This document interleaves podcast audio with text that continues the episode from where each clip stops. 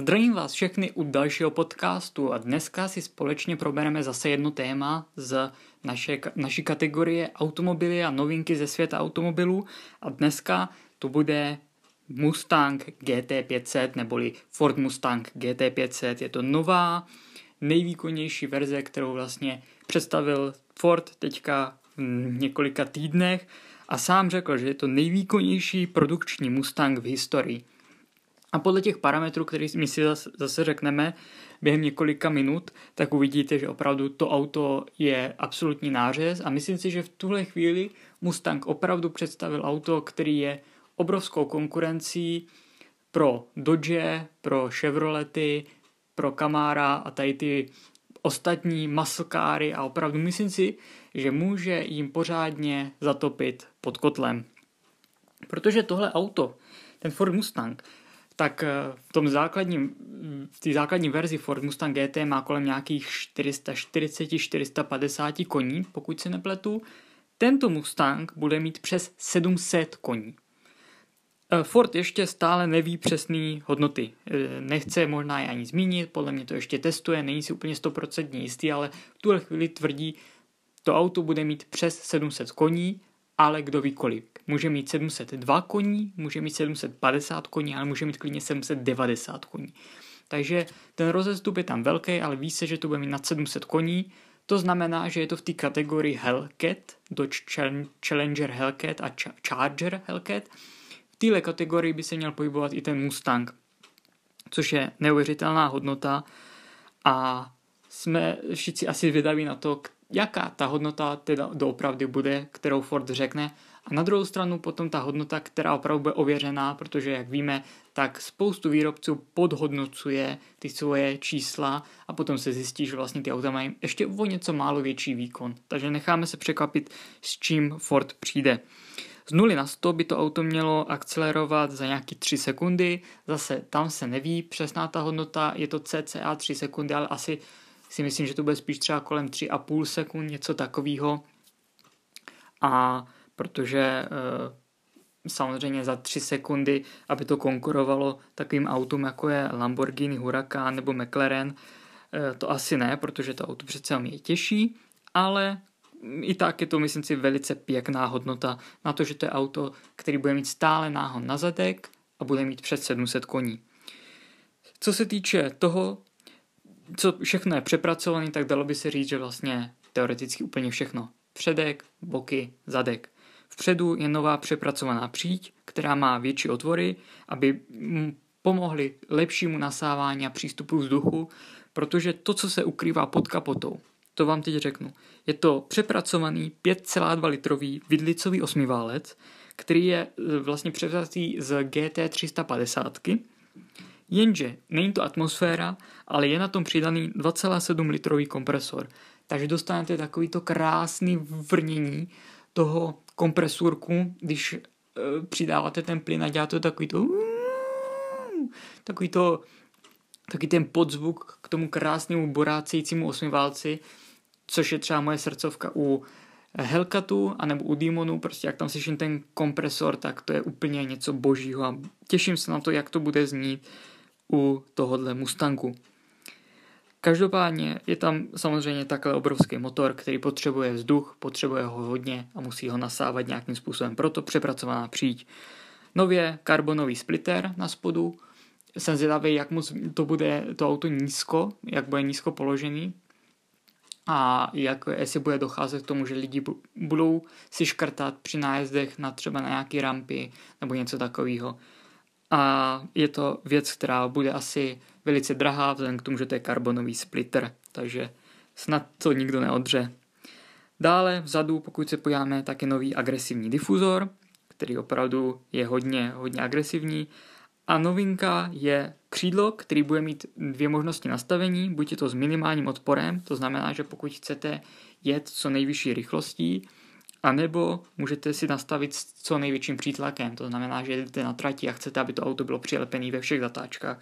Budete si to moct nastavit, na to křídlo záleží jenom na to, co vy budete preferovat. Nově ten Mustang bude mít i automatickou dvojspojkovou převodovku, která bude mít 7 stupňů.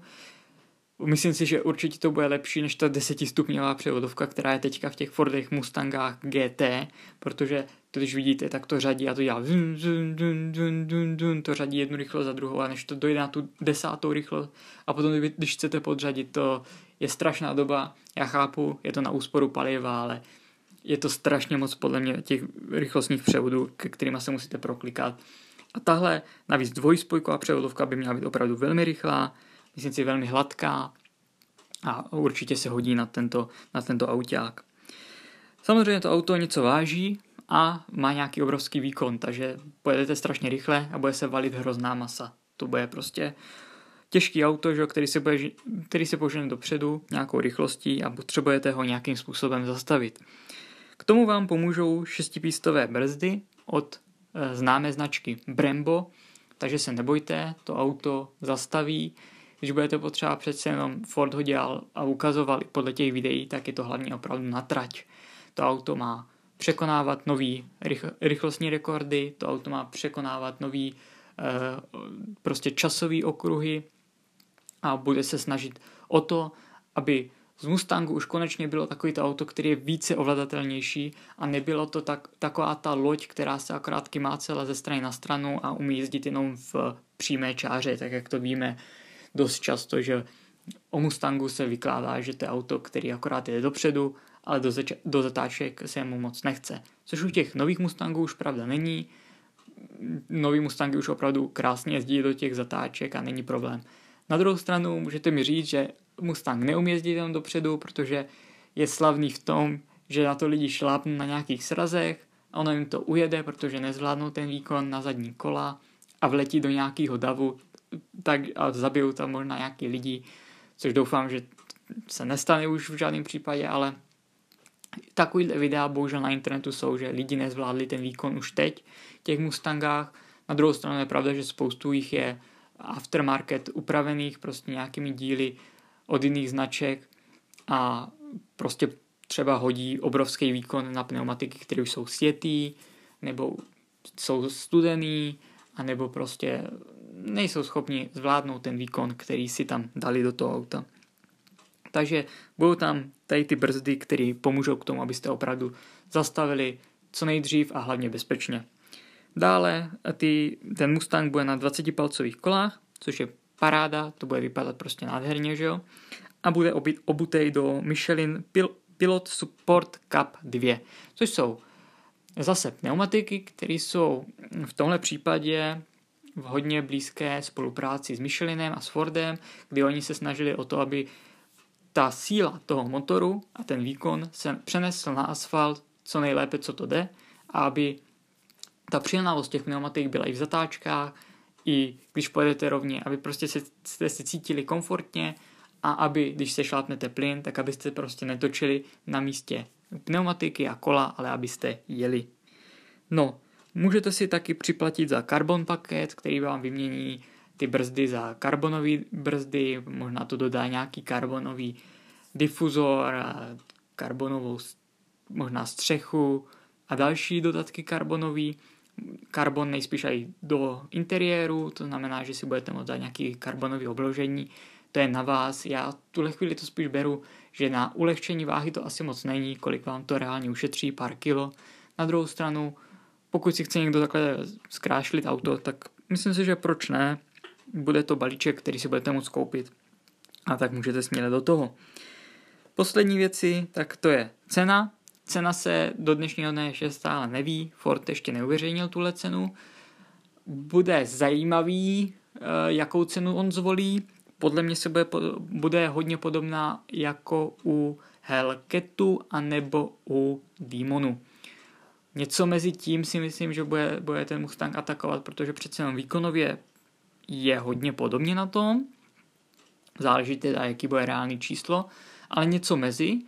A cenově by se mohl taky přiblížit, protože tohle je asi trh, na který, nebo respektive, to je, jsou auta mm, výkonově a i povahově, s tím, že je to car americká, na který chce mířit. Takže myslím si, že tady tou, tady tou cestou by se mohl Ford vydat. Ovšem, no, můžeme se nechat jenom překvapit, možná tu cenu nastřelit takovým způsobem, že si řekne, my jsme do toho investovali neuvěřitelné peníze, to auto má výkon a chová se jako super sportovní auto, tak tam dáme cenovku možná kdo ví kolik.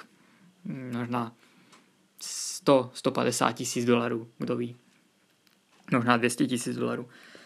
No, poslední věc je, že taky se spekuluje o tom, jestli náhodou tento Ford Mustang GT500 nebude dostupný jenom pro Ameriku a americký trh.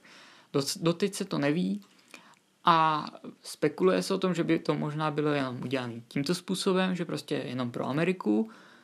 Na druhou stranu nebyl by to asi úplně největší problém, protože americké auta se do Evropy a do Česka dováží i teď, ale samozřejmě pokud by to bylo dováženo přímo Fordem, tím pádem byste to mohli bez problému servisovat ve Fordu, měli byste záruku přímo od Fordu. A měli byste možnost na někoho spolehnout opravdu ověřenýho, tak v tomhle případě si myslím, že by to bylo asi lepší. Na druhou stranu, co udělá Ford, to je jenom otázka, jestli to bude limitovaná edice, kolik vozů oni opravdu vydají do světa, jak dlouho bude ta produkce vůbec uh, probíhat. Možná bude trvat jen rok, dva, tři, kdo ví. A to všechno jsou věci, které ještě v tuhle chvíli nevíme. Myslím si, že během několika měsíců se, se dozvíme a budeme zase o něco chytřejší. Schválně by mě zajímalo, jaký máte vy názor na Mustang GT500, protože pro mě Mustang je srdcovka. Já Ford Mustang GT teďka ty nej, nejnovější řady 2015, 16, 17, 18 vlastně a 19 úplně miluju, to jsou podle mě úplně top auta, které můžete v tuhle chvíli koupit, nebo respektive top sportáky, které v tuhle chvíli můžete koupit, poměr cena výkon absolutně podle mě bezkonkurenční a ten požitek, který z toho dostanete, je neskutečný. A jestli v tuhle chvíli budete moct si koupit Mustanga, který bude zvládat i bez problému zajet nějaký rozumný časy na trati a konkurovat ostatním automobilům, tak to bude opravdu velká, velká stránka, velmi silná stránka pro Ford a myslím si i pro jejich zákazníky, aby si tohle auto oni koupili. No nic, já doufám, že jsem vám tohle auto trošičku představil, doufám, že se vám to líbilo a my se uslyšíme u nějakého dalšího podcastu. Tak zatím.